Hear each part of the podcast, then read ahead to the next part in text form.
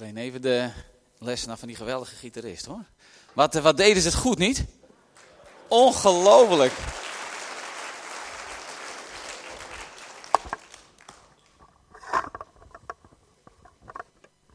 Ja, het raakte me echt. Zowel de liederen als uh, de beide dansen, als uh, het drama. Ik vond het heel bijzonder. Ik vond het heel bijzonder. Wat een talent. Geweldig. Goed, Gerlof. Dit is volgens mij de eerste keer dat ik hier uh, een keer spreek. Ik kom uit de Urenterp, dus zo ver weg is het allemaal niet. Uh, ik werk voor de stichting Royal Mission. Dat is hier ook vlakbij. Dus wat dat betreft uh, ben ik erg blij dat ik hier een keer uh, mag voorgaan. En in het bijzonder, als dat dan ook nog een tienerdienst is, nou dan zit ik helemaal op mijn plek. Fantastisch. Um, ik ben getrouwd met, en ik heb drie kinderen. Zoals ik al zei, we wonen in Urenterp. Uh, ik ben even benieuwd. De stichting Royal Mission, voor wie is dat een club die een beetje bekend is? Oké, okay, ja, kan bijna misschien ook niet anders. We hebben hier natuurlijk al een paar jaar enthousiaste studenten die helpen bij de jeugd.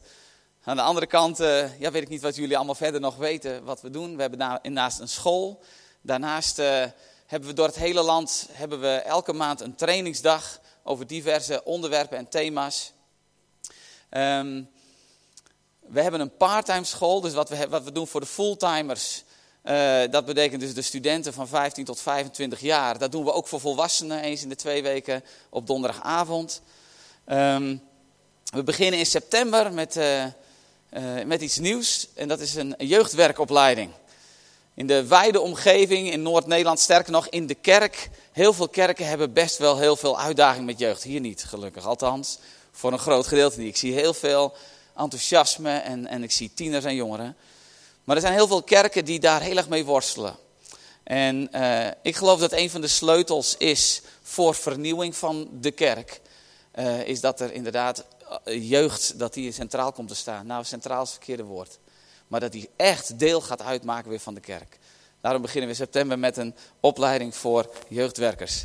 Nou, stel je dat je ook nog een keer wilt leren spreken. Ook daar hebben we cursussen voor. Nou, kortom, Roy Missie doet best wel wat dingen.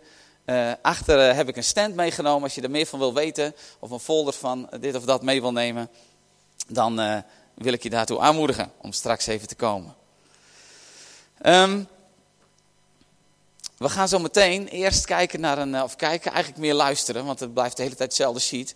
Maar luisteren naar een Bijbelfragment, hoe het allemaal begon. Want als je hier ziet hoe, hoe iemands leven, hoe het leven van mensen soms gebroken kunnen zijn, dan is het heel goed om terug te gaan helemaal naar het begin. Hoe begon het ook alweer? Hoe heeft God het ook alweer bedoeld? En daarom uh, gaan we daar even naar luisteren. Als dat lukt. Ja, dat gaat lukken. Helemaal aan het begin van alles, toen nog niks was, was God er al. Zijn geest zweefde door het space. Er was geen tijd, licht of systeem en dingen. Maar er was wel water. En God chillde boven het water. En toen zei God, licht. Eén woord en dingen gebeurden. Het was licht. God keek ernaar en zei, ai. Het was master. Hij speelde met het licht. Hij noemde het licht dag en donker noemde hij nacht. En de eerste dag was voorbij. Daarna zette God een scheiding tussen water en hemel. Hij maakte ze apart van elkaar. Toen was dag twee voorbij. De derde dag liet God het water weglopen naar één kant. Zo maakte hij zee en land. God vond het flex, maar het land was kaal. Dus zorgde God ervoor dat alles groen werd. De aarde werd bedekt door onmeer mooie planten, bloemen, bomen en vruchten. Het was gewoon gruwelijk. Dag 4. God maakte een systeem van het licht dat er was. Hij maakte de zon en de maan. Hij zette ze als flashlights in de hemel. Zo zorgde hij voor het verschil tussen dag en nacht en tussen de seizoenen en de jaren. Ook dit vond God boem. Op de vijfde dag ging God de zee en de lucht volmaken. Hij maakte vissen, vogels in alle kleuren en soorten. Hij zei tegen de vissen en vogels: ga met elkaar en maak jeans, zodat de hele wereld vol is met jullie. De volgende dag maakte God alle dieren. Grote dieren, kleine dieren, dino's, daggoes, tamme dieren, wilde dieren, reptielen, insecten in alle kleuren, alle soorten en maat. Maast. Maar het was nog niet klaar. Toen maakte God het allerbeste. Hij zei laten we mensen maken. En hij maakte mensen naar zijn evenbeeld. Zij moeten goed voor deze wereld zorgen. Zij zijn de baas. God maakte de mens van vlees, bloed en bones. En alles erop en eraan. Man en vrouw. Hij gaf ze een blessing en zei... Zorg om en goed voor deze wereld. Het is een cadeau. Maar jullie zijn verantwoordelijk. Maak baby's. Zodat de hele wereld vol is met leven en gelach. Chill en geniet van alles wat ik gemaakt heb. Eet van al het lekkers wat de aarde jullie geeft. Fruit, groenten, wortels, rijst, cassave en batata. God keek naar alles en zag dat het kapot goed was. Toen werd het avond. De zesde dag was voorbij. Toen was God klaar. De wereld was onmin mooi geworden. Het was alsof een poëet een meestelijke rijm had geschreven. Alsof een artiest een gruwelijke piece had gemaakt. Het was epic. Het was perfect. En op de zevende dag chillde de master van zijn werk. Hij gaf de zevende dag een speciale blessing. Zo van deze dag is anders dan alle andere dagen. Een aparte dag. Dit is hoe de Tory begon. Voor real. His Tory. The master story.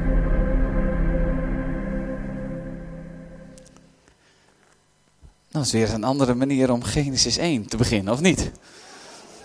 Dit komt, uh, zoals er al staat, ik weet of het stond, maar uit de straatbijbel. Waarin uh, eigenlijk straatjeugd met elkaar, als het ware, de Bijbel hebben vertaald. En uh, ik zeg de Bijbel, dat is een aantal hoofdstukken of dingen uit Genesis, Matthäus.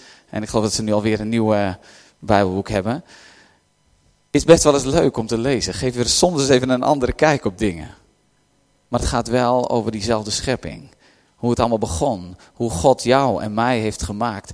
Hoe geweldig, hoe geweldig fantastisch hij jou en mij vond. Hij geniet van jou tot op vandaag de dag. Ongeacht wat je doet, ongeacht wat je nog zult doen. Hij houdt van jou, omdat hij kijkt naar wie jij bent en niet wat jij doet. We zijn gemaakt naar het beeld van God, wordt er dan gezegd. En ik geloof dat iedereen hier, zonder uitzondering, echt letterlijk zonder uit, iedereen geniet van Gods schepping. En dan denk je misschien meteen aan de natuur, ja, maar sommigen genieten daar meer van dan de anderen. Dat kan zijn een vakantie, maar het kan dus ook zijn huisdieren, maar bijvoorbeeld ook vriendschap. Misschien heb je laatst nog een geweldige goede comedy gezien. Lag je echt te janken van het lachen voor de tv. Dat is ook schepping. God heeft gemaakt dat wij in zijn karakter op hem lijken. Hij houdt van plezier, hij houdt van vreugde en blijdschap. Verkering, zwemmen in het zwembad. Al dat soort dingen, dat is dat wij op God lijken. Dat wij van zijn schepping genieten. Van alles wat hij gemaakt heeft. Ik wil eigenlijk even helemaal terug naar het begin. Naar God zelf. Wie is dat nou? Wat zegt hij nou allemaal? Maar vooral ook, als wij dan op hem lijken, op wie lijken we dan? Hoe ziet hij er dan uit? Nou, in de kern, in de diepste kern van Gods wezen, staat er: God is liefde. Hij zelf is, als het ware, klinkt wat gek, maar een, een emotie. En een hele bijzondere emotie. Hij zelf, zijn wezen wordt gekenmerkt door liefde. Hij zal niet anders kunnen dan van jou houden. Hij kan niet anders, want anders kon hij niet zelf liefde zijn. Hij is liefde. En die liefde, die uit zich in allerlei dingen. Zijn wezen kenmerkt zich door liefde en die liefde die wordt zichtbaar op een bepaalde manier. Die wordt zichtbaar in wat God doet. Net zozeer dat als wij van iemand houden, en als wij gezellig met iemand, een, een, een, iemand die we ontmoet hebben, ergens uitgaan of uh, ergens wat drinken, dan datgene wat jij doet, dat kenmerkt wat jij voelt voor die persoon. Zo is het bij God ook. Maar die twee dingen, liefde en wat je doet, dat zijn twee eigenlijk verschillende dingen. En in de Bijbel kun je vinden waar God als het ware nadruk op legt. Als we het hebben over Gods liefde, zal hij liefde dus ook heel belangrijk vinden. En ja, dat vindt hij. Als je namelijk de Bijbel leest en je gaat tellen en je gaat turven hoe vaak het woord liefde of liefdevol of geliefd voorkomt, dan is dat ontzettend vaak. Om precies te zijn 411 keer. Bijna op elke drie pagina's staat een keer het woord liefde of iets van die aard. Als je de Bijbel leest, dan kun je God ook leren, ehm, dan kun je zijn boodschap ook leren kennen door op deze manier te kijken waar hij nog meer heel veel over spreekt. Klinkt logisch toch? Ik denk dat God ook logisch is. In zekere zin, in zekere zin dan. Maar waar hij veel over schrijft, vindt hij belangrijk. Eén daarvan is liefde. Dat zegt iets over zijn wezen. Hoe hij is. En met andere woorden ook hoe wij diep van binnen ook zijn. Wij zijn mensen die liefde willen geven en liefde willen ontvangen. Dat kenmerkt ons. Dat zit hem in relaties. Elk mens, hier ook in de zaal, iedereen heeft behoefte aan relaties. Zo ziet God eruit, zo zien wij eruit. Elk mens hier heeft behoefte aan liefde en wil ook liefde geven. En dat laatste, dat is ook een kenmerk van God, maar dat is ook een kenmerk van ons allemaal. Want als wij namelijk iemand anders lief hebben, dan worden er twee mensen gelukkig. Jijzelf, maar ook die ander. Omdat dat zichtbaar wordt. Iets wat God vanuit die liefde ook heel belangrijk vindt, is datgene wat je doet. En dan kom ik even op het woord gerechtigheid. Of rechtvaardigheid of recht doen. Want gerechtigheid, dat lijkt dus een moeilijk woord misschien, maar het is eigenlijk helemaal niet zo ingewikkeld. Dat betekent gewoon recht doen. Iets doen wat goed is. Als wij iets doen wat goed is, dan hebben we begrepen wat God zegt tegen ons. Dan, doen we, dan, brengen we, dan zijn wij rechtvaardig, dan brengen wij gerechtigheid. Dan maken wij dingen die krom zijn, maken we recht. Dingen die ziek zijn, kunnen worden hersteld. Er kan recht worden geschied op deze aarde. Door jou en mij heen. En als je kijkt hoe belangrijk, stel je voor dat in die verhouding God in zijn woord aangeeft wat hij belangrijk vindt. En we tellen het woord gerechtigheid en rechtvaardigheid en recht doen. Dan kom ik op 778 keer. Het begint bij liefde. God is liefde. Maar het, de uiting van die liefde, daar legt God nog meer nadruk op. Hoe zijn wij? Zijn wij die mensen die andere mensen hun hart breken, die andere mensen kapot maken of datgene doen doordat we vooral aan onszelf denken en niet aan die ander? Hoe zien wij eruit? Hoe wordt het zichtbaar? Twee keer zo vaak spreekt God over ons handelen dan over liefde, de kern van zijn wezen. Want gerechtigheid komt voort uit liefde.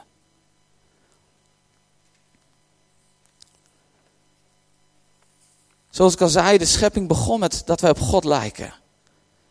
En iedereen van ons, zonder uitzondering, wil het goede doen.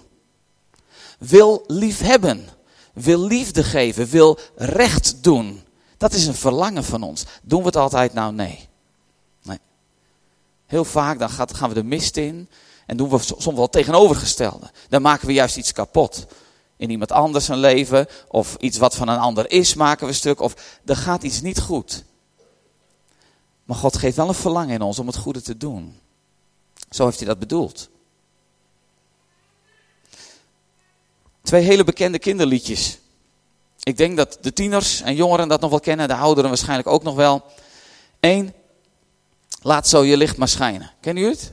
Laat zo je licht maar schijnen bij al. Wie kent dat?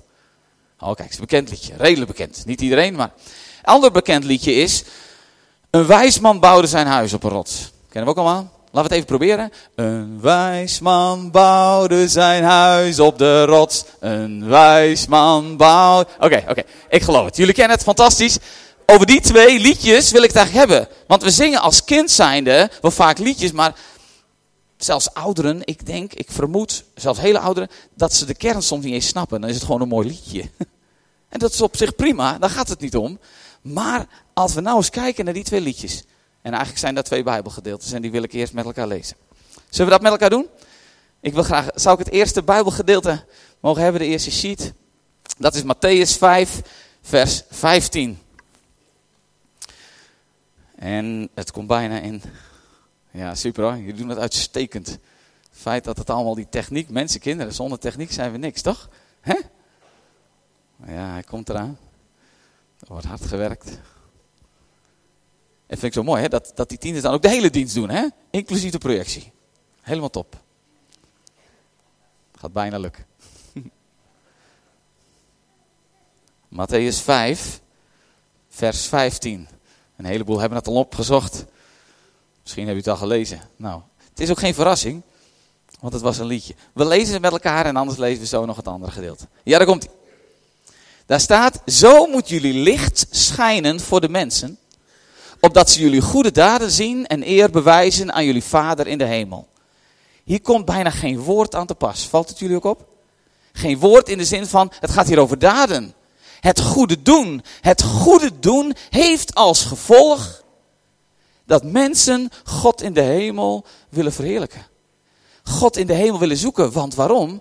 Als wij, kinderen van God, datgene gaan doen waarvan God zegt, doe het. Maak recht wat krom is. Handel daar, zodat mensen hersteld worden, zodat ze blij worden en gelukkig in plaats van het tegenovergesteld. Dan gaan mensen op een gegeven moment zeggen, jongen, wat, wat, wat ben je altijd vriendelijk? Of waarom doe je dit eigenlijk?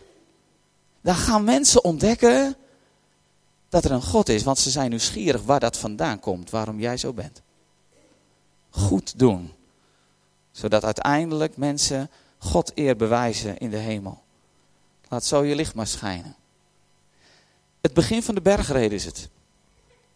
De bergreden, dat is een preek die Jezus houdt op een berg. Want het begint namelijk met en zij gingen de berg op. En het eindigt met en ze gingen de berg af. Ik zeg een preek, eigenlijk meer bijbelstudie. Een aantal hoofdstukken, dan is Jezus op de berg met zijn discipelen. En hij wil hun leren. Hij wil hun iets heel belangrijks vertellen. En de bergreden eindigt met het volgende gedeelte. En dat is de volgende sheet. Matthäus 7, vers 24. Wie deze woorden van mij hoort het is eigenlijk een quiz. Jullie moeten even bedenken wat er op die puntjes staat. Nog niet hardop zeggen, maar even bedenken. Wat zou er op die puntjes staan? Wie deze woorden van mij hoort, puntje, puntje, puntje, kan vergeleken worden met een verstandig man die zijn huis bouwde op een rots. Toen het begon te regenen en de bergstromen zwollen en er stormen opstaken en het huis van alle kanten belaagd werd, stortte het niet in, want het was gefundeerd op een rots. En wie deze woorden van mij hoort, puntje, puntje, puntje, kan vergeleken worden met een onnadenkend man. Die zijn huis bouwde op zand. Toen het begon te regenen en de bergstromen zwollen en er stormen opstaken en er van alle kanten op het huis werd ingebeukt, stortte het in. En er bleef alleen een ruïne over. Nou, wat zou er op die puntjes staan? Ik zie een vinger. Wat zou er op die puntje staan? Weet je het? Iets met doet. Iets met doet. Ja, inderdaad. Want als we de volgende sheet even doen. Doe de volgende sheet maar. Wie deze woorden van mij hoort en er naar handelt. Dat is doen. Uitstekend. En vervolgens, en wie deze woorden van mij hoort en er niet naar handelt. Dus wanneer ben je een wijs man? Wanneer gaat dat kinderliedje over jou? dat kinderliedje eindigt met het couplet, bouw daarom je levenshuis op Jezus de rots. Dat is prachtig, maar het doet eigenlijk niet zo heel erg recht aan de tekst. Want het gaat erom dat wij een wijs man zouden willen zijn. En dat ben je alleen maar als je hoort, in dit geval hoor je mij iets vertellen, je hoort de Bijbel iets zeggen. En er naar handelt, als we er wat mee doen. God wil rechtvaardig handelen. Hij wil zichtbaar worden door jou en door mij heen. En dat blijkt door wat wij doen. En ik wil nog een keer zeggen, God houdt niet meer van ons als wij goed doen. Dat heeft er niks mee te maken. Dat moeten we scheiden. Want anders zouden we kunnen gaan denken, en heel veel van ons denken dat denk ik stiekem al, dat wanneer wij goed ons best doen, naar de kerk gaan, met de kerk helpen, meewerken aan diensten en zo, dan houdt God meer van ons. Nee, dat is niet waar. God houdt van jou omdat hij van jou houdt. God houdt van jou om wie jij bent. Niet om wat jij doet, maar hij vindt doen wel heel belangrijk. Want daardoor wordt wie hij is, wordt zichtbaar.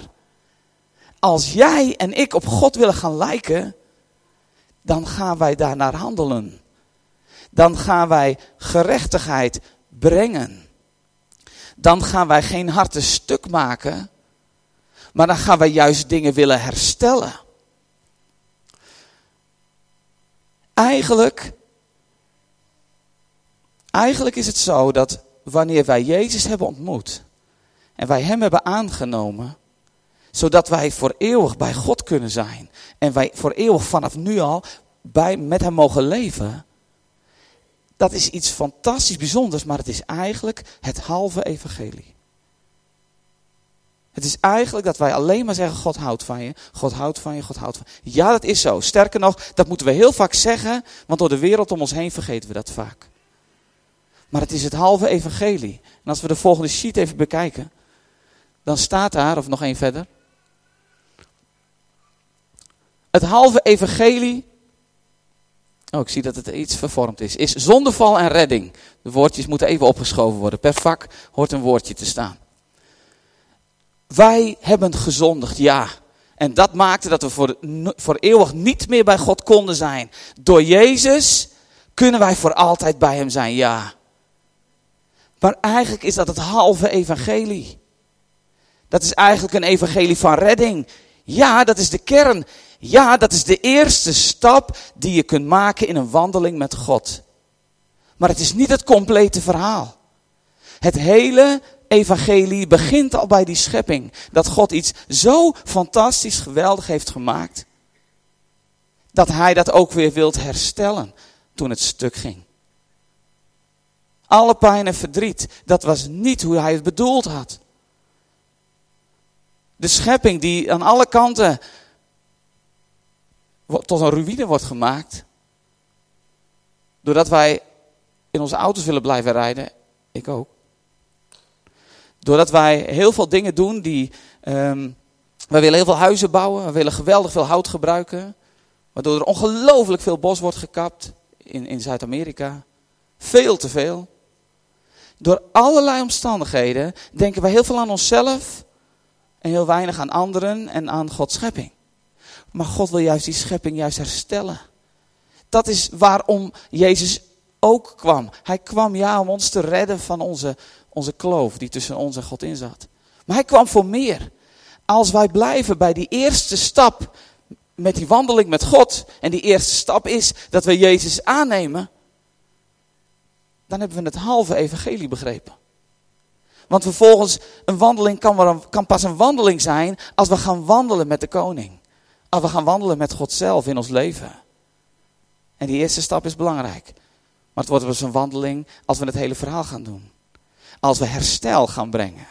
Als wij datgene gaan doen wat goed is en niet wat er allemaal kapot gaat en verkeerd gaat. Als je iemand tegenkomt die verdriet heeft. Wat doen we daarmee? Doen we er iets mee? Of lopen we er met een boog omheen? Wat doe je als er iemand hier in, in Dracht of zo loopt en die heeft een lekke band? Vraag je gewoon even om hulp? Kan ik je misschien ergens mee helpen? Misschien wel niet, maar misschien ook wel. En dan kun je iets doen. Laatst op de snelweg had ik wel een heel aparte gewaarwording trouwens. Ik, uh,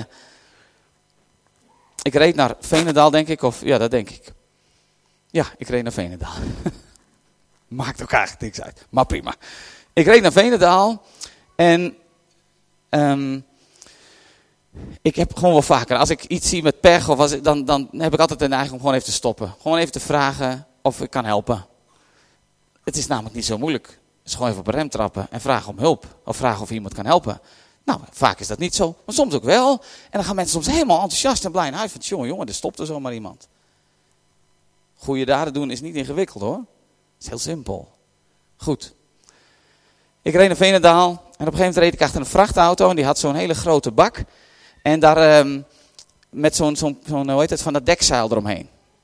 En achter zit dat deksel altijd met een soort weving van een grote band door wat gespen heen. Maar op, um, ik had niet goed gezien waarom. Maar die band die was helemaal los. En die flapperde helemaal achter die vrachtauto langs. Die raakte eigenlijk nagenoeg mijn auto. En ik denk, nou, als er een bus raakt komt, dan klap, bam, dan klapt dat op die bus. Dus ik bedoel, weet je, ja, ik, ik, ik, ik, haalde hem in. En terwijl ik dat zag, dacht ik van, goh, moet ik hier nou wat mee? Of, in ieder geval, uh, ik was ongeveer een minuut verder. En uh, ik denk, ik moet er toch maar wat mee. Maar goed, ik had al een stuk verder, dus ik denk, nou, wat moet ik? Ik denk, nou, ga maar even op de vluchtstrook rijden, alarmverlichting aan. En ik hou mijn spiegel in de gaten wanneer die vrachtauto komt. En op een gegeven moment zag ik hem en ik ging voor hem rijden. Ik hield mijn alarmverlichting uit. En uh, ik, ik, deed dan weer mijn richtingaanwijzer aan naar rechts en dan mijn alarmverlichting weer aan. En ik probeerde maar wat te zijn, zodat hij achter me kwam. Maar hij had het niet begrepen, hij deed groot licht de hele tijd aan. Ik denk, shoot, hoe moeten we dat nou eventjes als zijn verstand brengen, dat hij even naar de kant moet. Nou, dus ik op een gegeven raampje open, ik wijs zo van die kant uit en ik ging op het vluchtstrook rijden. En jawel, hij volgde. Nou, dus een hele operatie, vrachtauto aan de kant. En uh, ik loop naar hem toe. En terwijl hij uitstapt en ik uitsta, auto's voorbij razen, kijk ik eventjes uh, om die cabine heen. Heb ik de verkeerde vrachtwagen van de weg gehaald. jongen, jongen, jongen. ja, en toen, wat moet je dan zeggen tegen zo'n kerel, hè? Wat moet je dan zeggen? Dus ik zeg, nou, dit zul je niet geloven. Maar een collega van je, bla bla bla, dus ik legde het uit. Hij was een beetje beduust, stapte weer in zijn vrachtauto. En reed weer verder. Maar goed, het, dat maakt me niet uit. Dat wil niet zeggen dat ik het volgende keer niet weer doe. Het gaat erom dat we met elkaar oefenen om gewoon iets goeds te doen. Om iemand een kaartje te sturen die het moeilijk heeft, of die eenzaam is, of die in het ziekenhuis ligt. Om eens een bezoekje te brengen. In jouw straat wonen absoluut mensen die iets nodig hebben. Misschien heb jij het wel om het te geven. En dan kost het je maar 50 of 100 euro. Of voor mij het een tientje. Ja, dat lijkt heel veel geld, maar als wij iemand anders. Weet je wat er in Jezaja 58 staat? Ik wil dat even met elkaar lezen. Ik vind dat zo ongelooflijk bijzondere tekst. Even zien, Jezaja, dan moet ik het ook natuurlijk zelf even vinden. Ik heb er geen sheet van, dus, uh, dus ik lees het even voor. Dat vind ik, dat gaat over vasten, gaat dat, hè? En de Israëlieten hadden het vasten een beetje verkeerd geïnterpreteerd. Die deden braaf wat ze moesten doen. Helemaal volgens het boekje. Maar God zei, het gaat mij om je hart en wat je doet. Het gaat niet om, om, om dat je precieze regeltjes houdt. Ik wil je hart. En uiteindelijk staat er dan... In, bij vers 6 begint dat, hè? een heel bekend gedeelte. Is dit niet het vasten dat ik verkies? Misdadige ketenen losmaken, de banden van het juk ontbinden, de verdrukten bevrijden en ieder juk verbreken? Is het niet je brood delen met de hongerigen, onderdak bieden aan de armen zonder, zonder huis, iemand kleden die naakt rondloopt, je bekommeren om je medemensen? Dan komt het. Laat zo je licht maar schijnen, hè? hou dat even in je hoofd. Dan breekt je licht door als de dageraad. Je zult voorspoedig herstellen. Als je God gehoorzaamt, dan heeft dat dus ook iets te maken met herstel van binnen of van buiten. Je zult voorspoedig herstellen. Je gerechtigheid, daar hebben we het al, gaat voor je uit. En dan komt het. De majesteit van de Heer vormt je achterhoede. Als wij doen wat God wil dat we doen, dan zegt Jezus, dan zegt, zegt Gods majesteit, God zelf zegt, ik loop achter je aan, want daar wil ik ook zijn. Waar jij bent wil ik dan ook zijn. En sterker nog, als we dat doen, dan staat er verderop, dan zal ik je leiden elke dag. Als wij een verlangen diep van binnen hebben om het goede te doen, en dat hebben we, dat hebben we allemaal. We willen allemaal het goede doen. Dan zegt God, ik ga met je mee, want bij jou wil ik zijn, want jij lijkt op mij. Jij bent, zoals ik jou geschapen heb, dat komt er nu uit. En dan word jij gelukkig en de mensen om je heen ook. En dan zullen de, zullen de mensen om je heen zeggen van, hé, hey, er is een God die leeft. Want ik zie het door jou heen. Hoe bijzonder is het? om datgene te doen waarvan hij zegt doe het.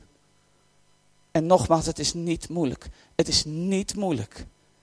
Het begint bij een keus te maken om die tiener die bij jou in de klas gepest wordt, om daar in ieder geval niet in mee te doen.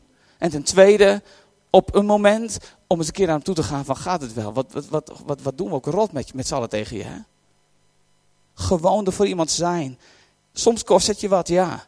En soms is het niet eens moeilijk. Koop een snicker in de pauze en geef die iemand zo van, goh, wou ik je gewoon even geven. Ja, misschien bedenk je het niet, maar denk maar eens over na. Om gewoon iets simpels te doen, voor je ouders misschien. Nou, dat is wel heel moeilijk, hè? Dat is wel... Grapje. Maar iets goeds doen betekent dat God achter je aankomt. Dat de majesteit, dat het licht, jouw licht breekt door. Ik word hier zo enthousiast van, hè? Als wij steeds meer op God willen lijken, dan moeten we één, wat we ook zongen. Als we find him, of ik weet niet wat liefde gaat, maar als we hem vinden, dan zullen we zijn liefde zien. En als we zijn liefde zien, zullen we hem steeds beter leren kennen. Als we dicht bij hem zijn, dan zullen we zijn hart in ons voelen kloppen. Dan zullen we bewogen worden met de mensen om ons heen. En als we dat ervaren, en als we dat zijn, dan willen we het goede gaan doen voor de mensen om ons heen. Wat een fantastisch leven heeft God voor ons bedacht. En het is niet moeilijk. Het is niet moeilijk. Iets minder aan onszelf denken en iets meer aan een ander. En dan wordt het een verlangen. En dan zul je ontdekken dat je blij wordt, dat je gelukkig wordt. Dat je aan het doen bent waarvan God zegt, ja, je hebt het begrepen. Fantastisch. Zullen we met elkaar bidden? Heren, oh Heer, ik wil zo graag dat we uw hart, Heer, steeds meer voelen kloppen. Dat we steeds meer, diep in ons wezen, die liefde, die behoefte aan liefde te geven en te ontvangen, diep van binnen. Dat dat in ons gaat, meer gaat opborrelen. Zodat we net als u, Heer Jezus, toen u de scharen zag, toen werd u met ontferming, een diepe bewogenheid, voelde u, voelde u voor de mensen om u heen. Heer, wilt u dat in ons leven doen? Zodat wij gaan ontdekken dat wij geven om uw natuur, om uw schepping. Dat wij geven om mensen die het moeilijk hebben. Dat wij geven om dat wat u hebt gemaakt, zodat wij herstellers worden. Dat wij het complete evangelie begrijpen. Hier wilt u met uw Heilige Geest in ons hart werken. En maken dat we vandaag, dat we morgen, dat we deze week iets goeds doen voor degene die naast ons woont, of onze vriend of vriendin of collega. Help ons daarbij, maak ons alert daarop. Want vanuit onszelf komt er niet zo heel veel goeds. Want we zijn gevormd door een maatschappij die u niet meer dient. Heer, help ons, Heer, om onder de indruk te komen van uw hart, van uw liefde voor ons, zodat wij die liefde kunnen doorgeven. In de naam van Jezus. Amen.